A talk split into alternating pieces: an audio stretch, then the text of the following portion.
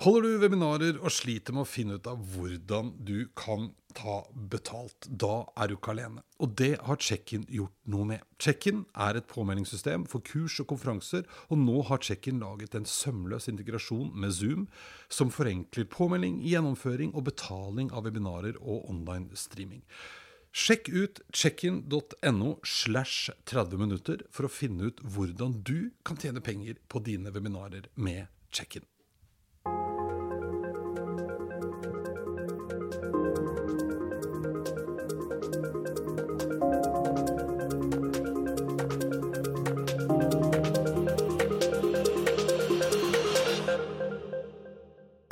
Dag så skal det handle om bærekraft og næringsliv, og jeg har besøk av Kim Gabrielli. Kim han er leder for UN Global Impact Norge, som jobber med å hjelpe bedrifter med å sette bærekraft ut i livet. Kim han ser på seg selv som en FN-gründer, og han har jobba i FN siden 2012. Han har vært assisterende generalsekretær for FNs barnefond, og nå er han altså leder for FNs Global Impact Norge. Hva er egentlig bærekraft, og hvordan kan vi som små og store bedrifter ta grep og ikke minst skape lønnsomhet ved å fokusere på nettopp bærekraft? Dette det er 30 minutter inn i fremtida. og jeg er Eirik Normann Hansen. Hei, Kim. Hei på deg. Ja, velkommen til meg. Tusen takk for det. Fra regnet. Ja, og rett inn i Damsredet. Det er jo fantastisk. Det er deilig. Eh, absolutt. Eh, det varmer å komme inn i et gammelt eh, tre, trehus. Ja. Det er en egen atmosfære, dette her. Altså. Det er det. Det er nesten så det er litt synd at det ikke var litt kaldere, så jeg kunne fyrt i peisen òg. Men eh, det, da blir det varmt her. Jeg vil håpe at samtalen varmer da. i løpet av... Det satser vi på. det satser vi Men eh, Kim, du, jeg fikk en hyggelig mail her for eh, ikke så fryktelig lenge siden, egentlig. Og at dere hadde lyst til å være med, det setter jeg jo veldig, veldig pris på. Men fortell litt om hvem du er, hva dere driver med. Hva, driver, hva, er, hva er, du driver med? ja, så Kollegaen min mente at dette her var en spennende podkast, så jeg tenkte at det var jo her må vi stille opp. Og det var jo gøy at dere ville ha oss. Uh, nei, altså hva er det jeg driver med? Uh, jeg leder jo da en organisasjon som heter UN Global Compact. Mm. Som er FNs organisasjon for bærekraftig næringsliv. Ikke så kjent i Norge, fordi vi, uh, vi åpna kontorene i 2019. Men Jeg kan si litt mer om det etterpå. Mm. Men jeg, jeg, tenker på meg selv som en slags eh, en sånn slags FN-gründer. Jeg, liksom, jeg, er jo et startup, dette kontoret. Vi har gått fra 1 til, ikke 1 til 100, men 1 til eh, ja, 25 på to år. Så det har vært en spennende reise. Men ikke minst så får jeg lov til å jobbe med bærekraft næringsliv hver eneste dag. Og det er veldig motiverende, mm. rett og slett. Ja, for, for, hovedmålet til da det som heter UN Global uh, Compact, Compact ja, det er å hjelpe næringslivet med ja, altså Dette er verdens største nettverk for uh, bedrifter. Mm. Eh, på, altså spesifikt eh, bærekraftsnettverk for bedrifter med 13 000 medlemmer, altså bedriftsmedlemmer globalt. Eh, vi har gått fra For to år siden var vi 118 og vi åpna Norgeskontoret. Nå har vi, har vi passert 300. Så det er jo så det som det går på, er på én side skal vi være en opinionsdanner. på en måte, Hjelpe til å løfte bærekraft og næringsliv både mot politikerne og i og i bedriftene, selvfølgelig. Eh, men det er ikke minst da, som er liksom det vi bruker aller mest tid på, er jo å, å, hjelpe bedriftene. De sitter jo i styret vårt ikke sant, og er med å forme hvilke medlemsaktiviteter eh, trenger de for å mm. sette bærekraft ut i livet. For det er liksom, bærekraft er et så stort ord. Det er som innovasjon eller digitalisering. ikke sant? Er, hvordan skal du gjøre dette? Og der er det nok mange som Eh, som fortsatt fomler litt, på en måte? Ja, ja. ja, ja. jeg, vet, jeg, har, jeg, har, nevnt det før. Jeg har jo hatt besøk av mange som jobber med forskjellige områder innenfor bærekraft. Liksom den store bærekraftsparaplyen. Men fremdeles så opplever veldig mange at bærekraft det er, sånn, det er lik miljø. Men det er jo ikke bare det. det jo, hvordan definerer du bærekraft? Eller dere?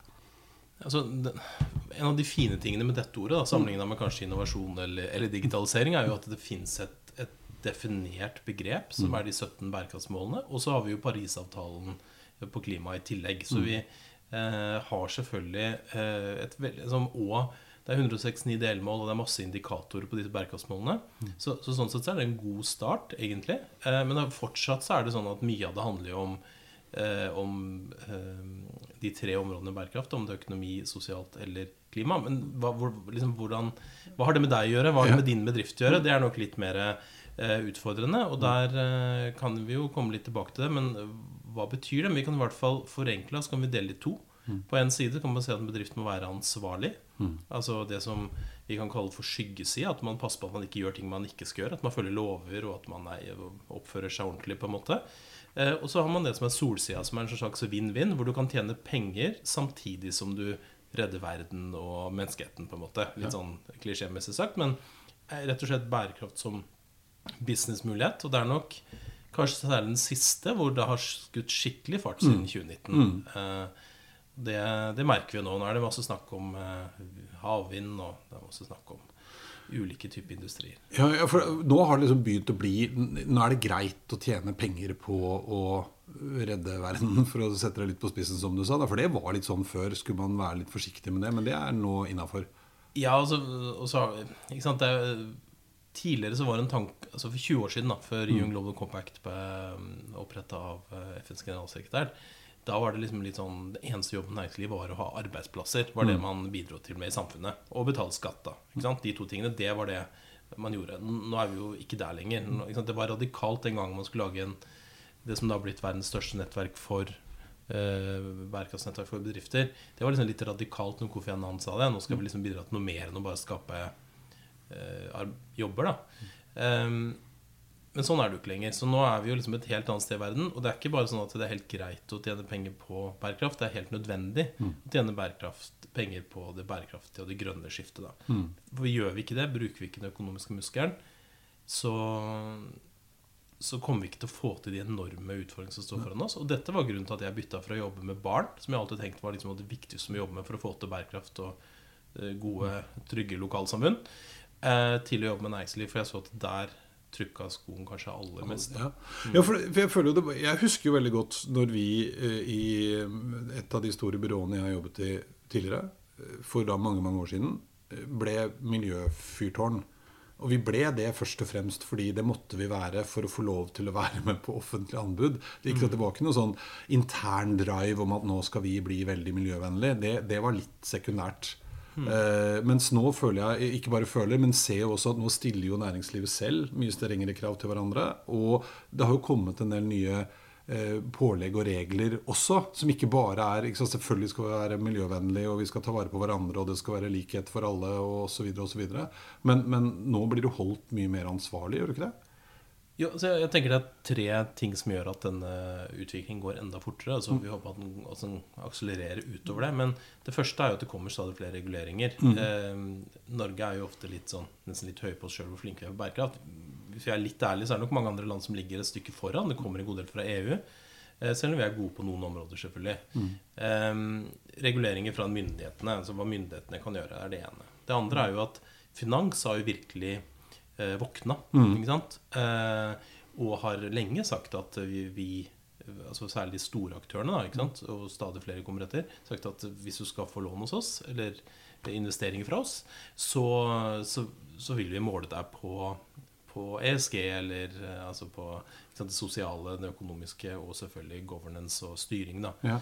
Um, og, og, klima. Og, og, stadig flere har jo tatt det skrittet. Og så er det det tredje området, at forbrukeren har våkna. Mm.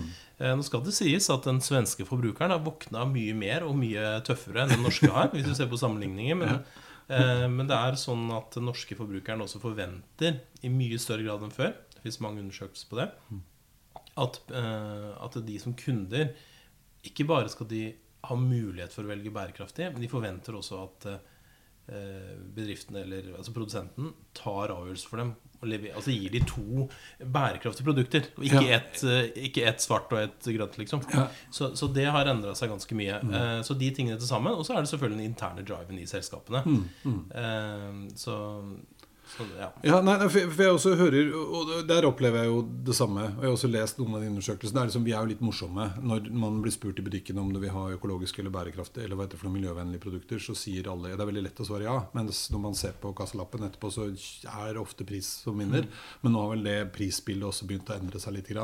Men forventningen nå til at bedriftene som du sier da, tar beslutningene for meg. Jeg stoler på at du som seriøs aktør eh, faktisk eh, lever opp til noen standarder. Men der snakker jo jeg med bedrifter som syns at det der er litt vanskelig. Da. De føler litt på det ansvaret, eller ikke litt, de føler veldig på det ansvaret nå. Og så veit man ikke helt hvor man skal begynne. Det kan dere hjelpe dem med. Jeg tenker, Det er to ting med det der. Det første er at til nå så er det jo selvfølgelig i Norge så arbeidsmiljøloven er et godt eksempel på, på at vi, vi, vi, tilpasser oss de lovene. Det er mange land som ikke har så streng arbeidsmiljølov som det Norge har, men vi har tilpasset oss det. GDPR, altså dette datalagringsdirektivet og oppfølgingen av personverndataloven, har vi også tilpassa oss. ikke sant? Og nå er det kommet to nye lover. Den ene heter åpenhetsloven. Eh, som da riktignok gjelder bedrifter fra 70 millioner med 50 ansatte. Så det er jo litt større bedrifter. Mm. Og så kommer det en ny lov på rapportering eh, til finansaktører. Så de må rapportere inn bærekraftsrapportering. Men de låner ut penger til små og mellomstore, så de må jo få disse tallene fra et sted. Så nå, nå, vi, altså nå kommer vi til å bli pusha til det, om vi vil eller ikke. Og da er det utrolig hvordan man tilpasser seg. Ja. Men når det er sagt, så er det selvfølgelig sånn at når jeg sa i stad at mange fomler litt, så er det kanskje litt sånn upresist og, og, ikke veldig hyggelig. Men vi ser jo særlig at SMB, altså små og mellomstore bedrifter, sliter her. Ikke sant? Telenor har jeg eh, vet ikke hvor stor gruppe de har nå på bærekraft, men kanskje de har 20 ansatte. da mm. Ikke sant? De eh, takler dette. Nå er det jo en veldig stor, stor bedrift òg, men, mm. men, det er dette. Så det er nok et gap mellom de aller største bedriftene og de litt små og mellomstore. Mm. Eh, og der så, så er jo en av tingene vi jobber med, da, er jo altså Vårt styre har gitt oss i oppdrag, liksom vår administrasjon, å bygge ut et medlemstilbud for å imøtekomme den usikkerheten. Og da ikke bare blant de store, som de 30 av de 40 største selskapene i Norge som er medlemmer hos oss, men også det store bildet av de som, som jo da er medlemmer hos oss. Ja. Eh, så, så, for oss er det også gi verktøy da, til medlemmene våre og bedrifter generelt i Norge, det er det aller viktigste. Mm. Ja, for Det er jo det mange sliter med. At man, man, kan godt sitte og snakke om hvor flink man har lyst til å bli. Og nå skal vi måle for, Vi skal måle på uh, hvilket avtrykk vi setter, og hvordan vi skal velge riktig, og hvordan menneskene våre skal håndteres på rett måte. Men det å ta steget videre liksom ut i faktisk setter ut i livet, det er det mange som opplever som vanskelig. Ja, så er det mange ulike roller. ikke sant? Fordi mm. at du, um, Det er en sånn klassisk uh, sak når det gjelder bærekraft. Det må, liksom, du må være eierskap og CEO-en. ikke sant? Hvis mm. ikke lederen på en måte uh, har eierskap, mm. så hjelper det på en måte ikke at du har en klimarådgiver, sånn som det jo klassisk har vært, eller en, en, en samfunnsansvarrådgiver. Mm. Så, så, det er jo en viktig ting. Og det er jo en av tingene som skjer når du melder deg inn i en organisasjon som Young Loan Company, at du faktisk må, lederen må faktisk skrive under på innmeldingspapirene, ellers så blir du ikke medlem. Så, så, det er en viktig ting. Men så er det de ulike funksjonene i selskapet. Hvilke type aktiviteter har du mot dem? CFO-en, bærekraftsdirektøren, businessutviklingerne, businessutvikleren, alle disse. Og det vi har jobba med siden vi starta, er å bygge opp det som Eh, et program på en måte med ulike aktiviteter. Så mm. vi har allerede en haug med aktiviteter i gang. F.eks.: Hvordan setter du mål for selskapet ditt? Ja. Eh, det er viktig. Og nå, nå finnes det jo stadig mer raffinerte mål. Det fins mm. Eh, såkalte vitenskapsbaserte klimamål, f.eks. på klima. Um, og da er det sånn at du får godkjent disse målene av et forskerpanel utenfor din egen bedrift. Mm. Det er jo vanligvis er det styret som er den kontrollerende funksjonen. Men så, så, det er én sånn ting. Og så er det rapportering, som jo de fleste begynner med. På en måte mm. For å i hele tatt få en slags uh, starting point, eller uh, ja. slags uh, et sted å starte. Mm. Så det har vi også da ulike typer aktiviteter med. Eh, fra liksom nettverk hvor vi kan møte andre, til liksom virkelig sånne Nå setter vi oss sammen og jobber med det. Mm. Eh, og så er det kanskje det vi har brukt aller mest tid på, eh, er det som jeg sa i stad med bærekraft som businessmulighet. For vi ja. opplever at i Norge er det mange som har jobba med dette med å ansvarliggjøre bedriften. Styre. ikke sant? Når de snakker om bærekraft før, så har de gjerne snakk om risiko, egentlig. Mm. De har etterspurt ting på risiko. Finansaktørene har etterspurt risiko. Altså, når de snakker om barn og bærekraft, så er det barnearbeid. Mm. Men det er klart, barn og bærekraft er mye mer enn det. Det er ikke bare risiko. Så det å se på den derre gjøre det til en mulighet, sånn som du mm. begynte med i stad, det mm. har vi jobba mye med. Og satt opp da innovasjonsprosesser, det vi kaller for løsningsplattformer, på ulike områder. Hvor man da ja, Vi har brukt 30 selskaper sammen. Mm. Eh, akkurat nå har vi en på hav, en på mat. Eh, vi hadde en på sirkulærøkonomi som har gått en runde, på en måte. Har, ja, den måtte jo det. Ja, ja, en sirkel. Ja. Men den var vugge til grav, ikke vugge til vugge. Så, eh, men, uh, men, det fortsetter jo selvfølgelig. Men, men, sant vi har hatt den type programmer. Så, så, det er viktig for oss. Og så ser vi nå at um, utover høsten så begynner vi å nærme oss et ganske komplett program. Vi mm. starter med et et program for styremedlemmer. Mm. Eh, Vi starter med flere ulike nye aktiviteter. Vi har starta et eh, innovasjonsprogram på bærekraft for unge ansatte under 35. Mm. Så vi har nå mm, eh, Vi er i gang med regionale eh, nettverk, eller løsningsplattformer, som vi kaller dem, på, for små og mellomstore. I, eh, vi setter i gang nå i Agder. Mm. Eh, Vi er i gang, vært i gang lenge i Nord-Norge. I Vestland.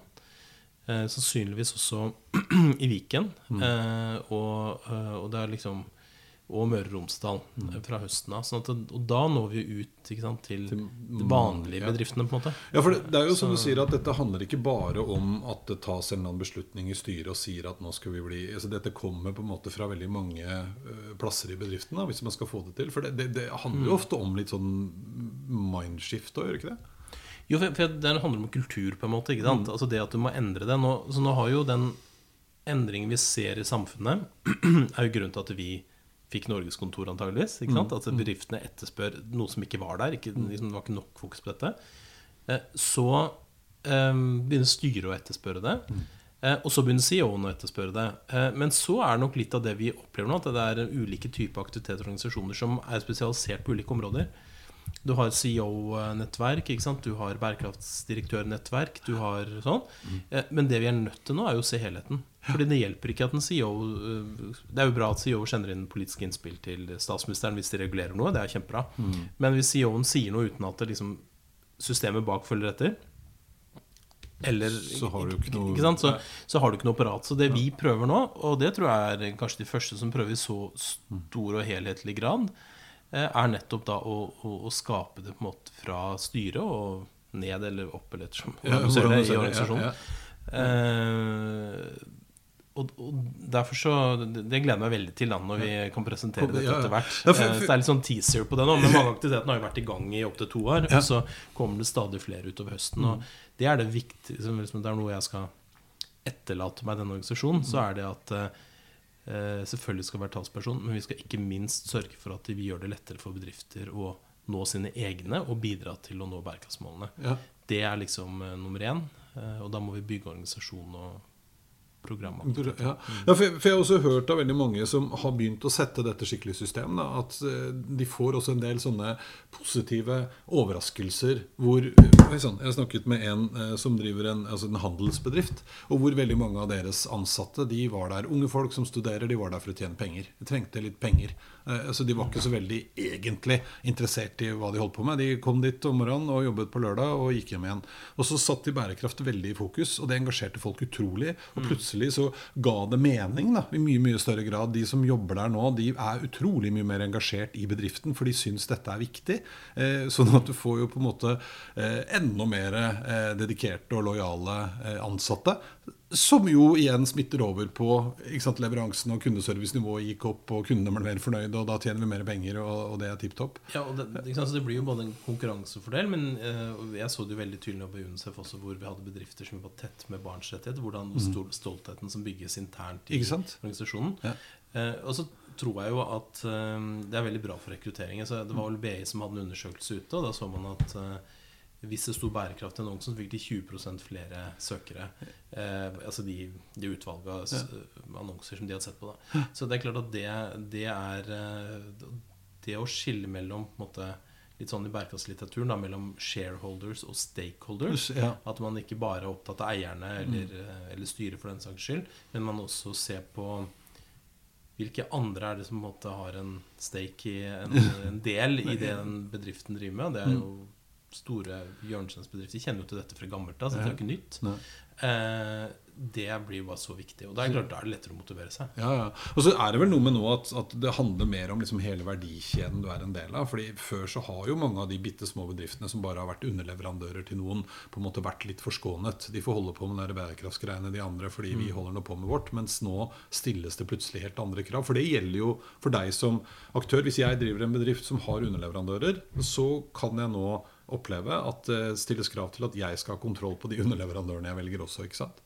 Ja, absolutt. Og det er jo det som blir veldig tydelig med denne åpenhetsloven som jeg snakka om i, i stad også, som, som, jo går på dette med hvilken negativ fotavtrykk har du. Da må du se nedover i, i verdikjeden din. Mm. Og det samme gjelder på disse vitenskapsbaserte klimamålene, eller ja. science-based targets. Det er det samme. Mm.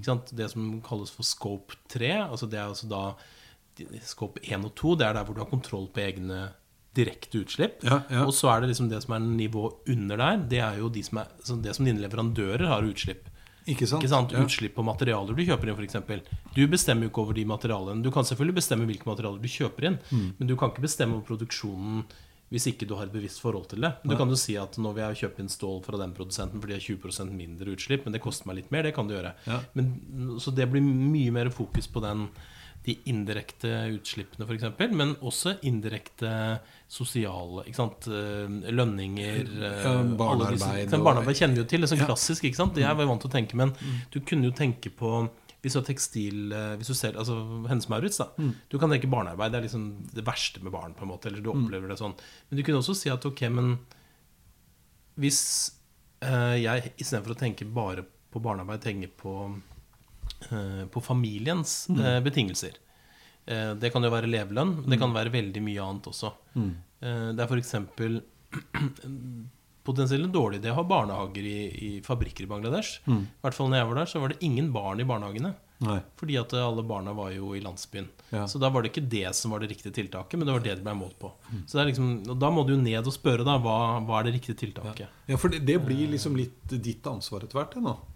Å ha ja, oversikt over det og stille spørsmål om det. Jeg vet jo han eh, Espen Karlsen i Jernia eh, ja. de har jo hatt masse suksess eh, med sånne ting som dette. Og faktisk vist også at det går an, selv om du er en bitte liten norsk aktør, så kan man faktisk gjøre endringer i det store produksjonsleddet da, mm. som de er avhengig av. Men, men jeg tror mange syns det er vanskelig fordi man blir veldig sånn litt nærsynte. Jeg ser på min bedrift, og hva kan vi gjøre her? Jo, vi sorterer papir, og vi uh, har valgt grønn strømleverandør. Men det strekker seg liksom litt lenger enn som så. Uh, gjør det ikke det? Jo, det tror jeg er riktig. Og så, er det jo vi, Ofte så sier man at SMB-er ikke er så gode på bærekraft. Sånn. Det, der må vi jo skille, for det er jo noen som har grunnleggende eh, bærekraftige businessløsninger. Mm. Om det er Det kan jo være sånn som vintage-butikker, mm. eh, som liksom, er jo sirkulære i hele sin oppsett, yeah. potensielt. Mm. Eh, og så kan det være nye produkter vi trenger for å, eh, for å bistå bærekraftsmålene, om det da er matavfall f.eks. Så, yeah. så der er det mange små og mellomstore som faktisk er veldig bærekraftige. Mm. Men som kanskje ikke har et så bevisst forhold til det at de rapporterer sånn, men de kanskje i utgangspunktet er det. Og så har du de andre som du peker på nå, som liksom ikke er satt opp for å løse et bærekraftsproblem mm. eh, nødvendigvis, og som kanskje er en konsulentaktør, eller hva, hva gjør man da? Mm. Og da er det vel litt uh, gjøre en slags enkel vesentlighetsanalyse, om du vil, mm. eh, hvor man da går inn og ser hvor har jeg størst effekt. Mm. Eh, og det har vi gjort på lille Young Global Compact Norge. Så gjorde vi en sånn gjennomgang da eh, av hvor er våre utslipp. Mm. og da så vi at vi hadde Særlig det første året vi var veldig aktive, og det var vel første halvåret, da, for det var jo fra høsten 2019. Og så kom jo korona, ikke sant. Så mm. før det, men den første halvåret der så hadde vi jo Våre utslipp f.eks. var jo på transport. Mm. Så da det vi gjorde, var at vi, eh, vi bestemte oss for å gå over ikke, Vi brukte litt mye taxi, så vi gikk rett og slett over på lokaltransport og mm. på hyre. Så vi mm. leide bil, ikke sant. Mm. Eh, Møllers eh, geniale utleiemulighet. Ja. Eh, så, så, vi gjorde noen sånne grep. Eh, og så har jo vi hatt mange midlertidige ansatte. Så da må vi se på, Fordi vi er i en oppstartsfase. Eh, så hva gjør du da? For egentlig så skal, ønsker vi å ha faste ansatte, men vi har ikke penger til det i oppstarten. Hva må du tenke på da? Hva er viktig for, for de ansatte sin del? ikke sant? Um, selvfølgelig skal vi følge arbeidsmiljøloven som et minimum. Mm. Uh, men hvordan sørger vi for dette? Um, at det allikevel blir et best mulig sted å jobbe. Mm. Uh, og ikke minst så har vi um, folk fra hele verden. Vi har, uh, jeg tror vi har ni nasjoner blant de 20 ansatte. Så det er hvor, hva betyr det? Mm. Skal vi oppfordre de til å bli medlem i en fagforening f.eks.? Mm. Mange har ikke et forhold til det. Vi, fem, vi, hadde 50-50 ved utgangen av 2020 Eh, kvinner og menn blant mm. de ansatte. Den type ting kan man gjøre. Hva er det den lille UN Global Compact som sekretariat har innflytelse mm. på, på, vår lille drift. da Ja. Fordi vi har et større, forhåpentligvis større eh, resultat når vi jobber gjennom bedriftene. Det store bildet som en organisasjon. Sjon, Men ja. på driften vår så kan vi se på de tingene. Og der fins det noe som heter S SDG, altså for bærekraftsmålene. SDG. Ja. um, så Sustainable Development Goals. SDG. Action eh, SDG. Manager. Ja. Ja. Sustainable Development Goals. Ja. Action Manager. Hvis Ja. man søker opp det i Google, så får man opp et sånn enkelt uh, gratis tool som er lagd av UN Global Compact, som alle kan bruke. Kult. Hvor man da kan uh, velge seg noen mål. Man får til og med anbefalt, avhengig av hvilken industri man uh, krysser av for. Så får man anbefalt to-tre mål. Eh, og der får man spørsmål. Har du gjort dette? Har du gjort dette? Og da er det sånn, har du en guide for eh, Har du tenkt på hvordan du skal sørge for at du får ansatt folk med ulik bakgrunn blant de ansatte? Har du tenkt på hvordan du får kjønnsbalanse blant de ansatte? Du får den type spørsmål, og så kan du da sette deg konkrete oppgaver mm. med sånn eh, påminnelser og sånn. Så det er egentlig ganske fint. Så det er en sånn en enkel løsning for eh, Ja, for dette For her er jo sånn som veldig mange savner, føler jeg. For det blir veldig ofte Så hopper vi liksom rett inn i de der store, store uh, målene for mm. Parisavtaler, og da føler man seg plutselig så bitte liten. Spiller det noen rolle om jeg tar to flyreiser mindre i året, liksom? Eh, og, og hva kan jeg gjøre? Men jeg, jeg tenker jo at dette her er jo helt gull for små bedrifter nå, å kunne se hvor de skal starte. Så det interessante er jo at du vil se at utgiften din går ned også. Ja. Så det er, for Vi snakker om en bærekraft som businessmulighet. En ting er at du tjener penger på det. For det er jo det, er liksom det optimale er at du kan tjene penger samtidig som du gjør noe bra. Men her er det sånn at du faktisk også tjener penger på at du reduserer kostnadene dine. Altså ved å bruke lokaltransport og, og, og hyre mer. Da, så ikke våre utgifter til til taxi ned, selvfølgelig. Ikke sant? Eh, og det samme vil du se på kantina på NO, der som vi i Næringslivets hvor vi har kontor. Før korona så satte de seg en mål at de skulle halvere matavfallet. Det er jo et av, et av delmålene i bærekraftsmålene. De halverte matavfallet, reduserte kostnaden med 20 Ja. så det var jo helt genialt. Eh, ikke sant? Så, og, det, og det er jo sånne ting som man Det liksom, tenker man kanskje ikke så, men det, det er mange sånne type ting man kan gjøre eh, i, eh, i en liten bedrift Liten også, som gjør at du får redusert kostnader om du ikke liksom får økte inntekter fordi du har en fantastisk bærekraftig løsning som alle vil ha i dag. Ja. Så, så og, og jeg tenkte sånn, til slutt der En annen ting som uh, er veldig interessant. Vi tenker sånn Ja, um, vintagemøbler, ja, det er bærekraftig. Men så begynner du å tenke på det. Ja, det er jo det, fordi det bare slipper å produsere ut. Men tenk man hadde leid dem ut til, eh, eh, til en eh, sånn co-working space. Det er jo mye mer genialt, for da, da får du brukt disse om og om igjen. Mm. Du får leid ut til filmproduksjoner.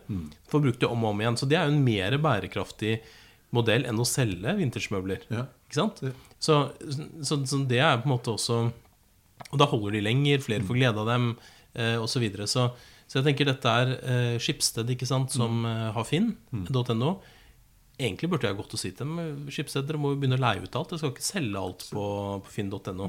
Jeg skjønner jo at ikke det er gjort om natta, men det hadde jo vært en mer bærekraftig modell på sikt. Men her tenker jeg jo at litt sånn bedrifter òg kan tenke. For jeg er ganske Mm. sikker på at det finnes en del sånne bedrifter som leverer ting som vi vanligvis pleier å kjøpe.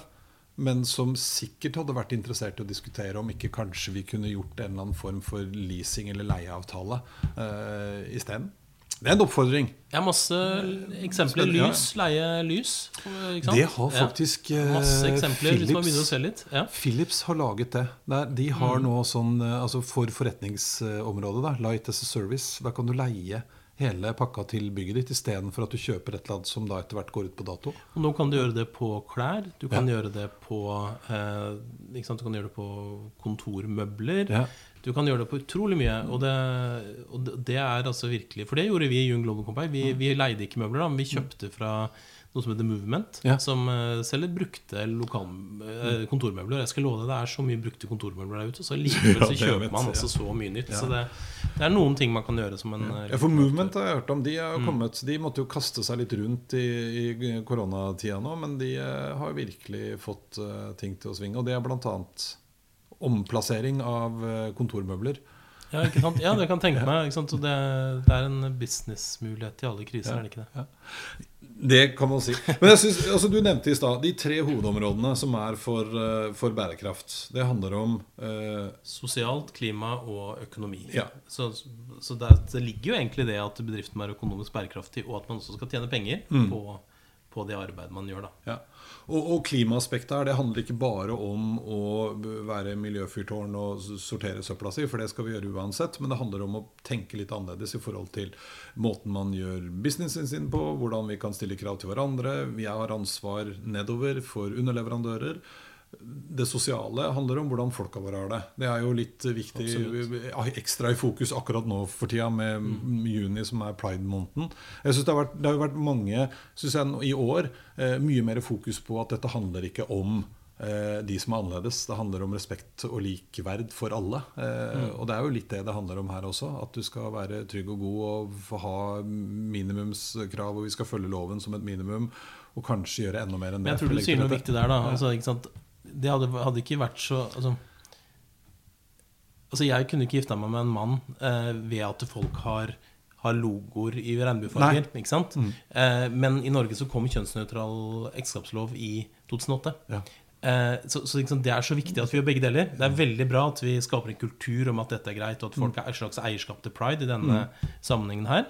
Eh, men hvis vi ikke får til de endringene, det konkrete som vi liksom legger til rette for dette, så, så skaper vi ikke endringer i samfunnet. Og det er fare for at man kan få den type ting som man har sett f.eks. i Øst-Europa, hvor på en måte pendelen dypper tilbake Bak igjen. Og dette gjelder jo ikke bare for LHBT i rettigheter.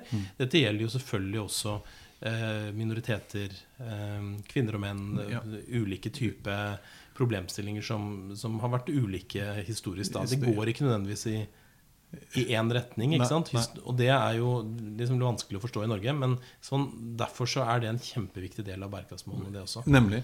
Og det siste er businessdelen av det. Ikke sant? Det viser seg Én ting er at vi kan spare penger og vi kan gjøre det bedre, men, men det er en del muligheter også for å faktisk eh, skape mer verdi.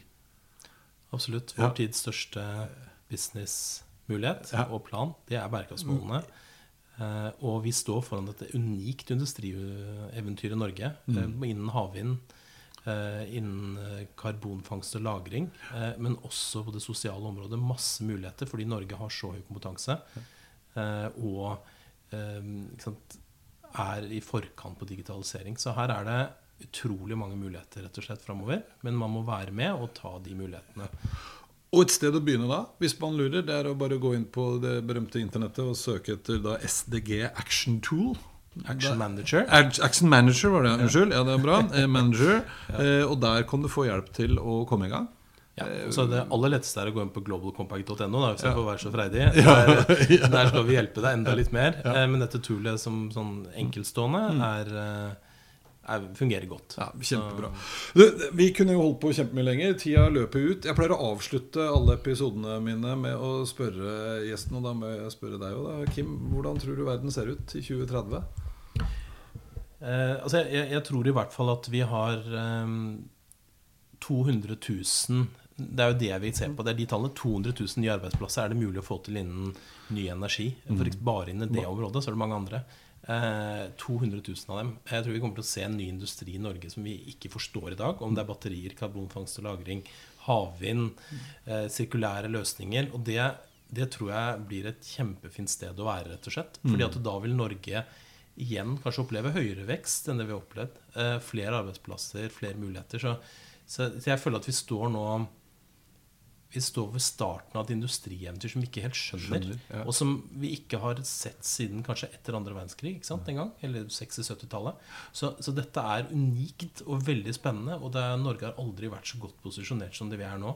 Eh, og det håper jeg vi ser konsekvensen av da. Og at vi da kanskje erstatta de 200 000, eh, i hvert fall etter hvert, eh, jobbene i eh, olje- og gassbransjen med de 200 000 nye Ja. Som vi vet kommer. Så, Men Det blir spennende. Da skal vi møtes igjen i 2030, og så skal vi se hva denne nye industrien ble. Men La oss vi, gjøre det. Ja, men vi ser lys på fremtida. Ja, absolutt. Men det er, må nok være lov å være litt betinget optimist. fordi at det er klart at det er ganske store ting som skal til for å liksom få til energiendringen. Mm. Så må vi bygge verden Jeg tror det var det IEA sa i den rapporten de kom med, altså energibyrået. Eh, jeg tror vi må bygge verdens største solenergipark hver eneste dag fram til 2030 for å kunne ikke sant? Det er krevende saker. Ja. Men det er vel derfor du også sier at vi ikke kanskje helt vet akkurat hva det er vi skal gjøre. Eh, altså Det kommer noen nye industrier nå som eh, popper opp. Teknologien vet vi jo gir oss fantastiske muligheter. Men det er vårt ansvar til syvende og sist å gjøre de rette tinga. Ja, altså Hvis du tenker tilbake til 1998, da jeg fikk min første mobiltelefon, så har det jo skjedd en god del bare på de få åra der. da Så, grann, ja. så det, jeg tenker at det er eh, Det er vel det som mantra. Vi vet vel egentlig ikke hva som kommer til å skje, men vi håper det er positivt. Håper det er positivt. Ja, for jeg husker Apropos det, det var en som sa til meg at tenk hvis, eh, tenk hvis denne pandemien hadde skjedd i 1993. Da hadde vi bare fått Nokia 2110. Kom i 1993. Da kunne vi i hvert fall sitte hjemme og spille Snake. Og så måtte jeg søke opp og si nei, jeg kunne ikke det. Snake kom ikke før i 97. Det ble utrolig kjedelig. Ja. Men det er jo akkurat sånn det er. Ja. Ja. Du, Tusen hjertelig takk for besøket, Kim. Tusen takk for at du kom. Med. Takk.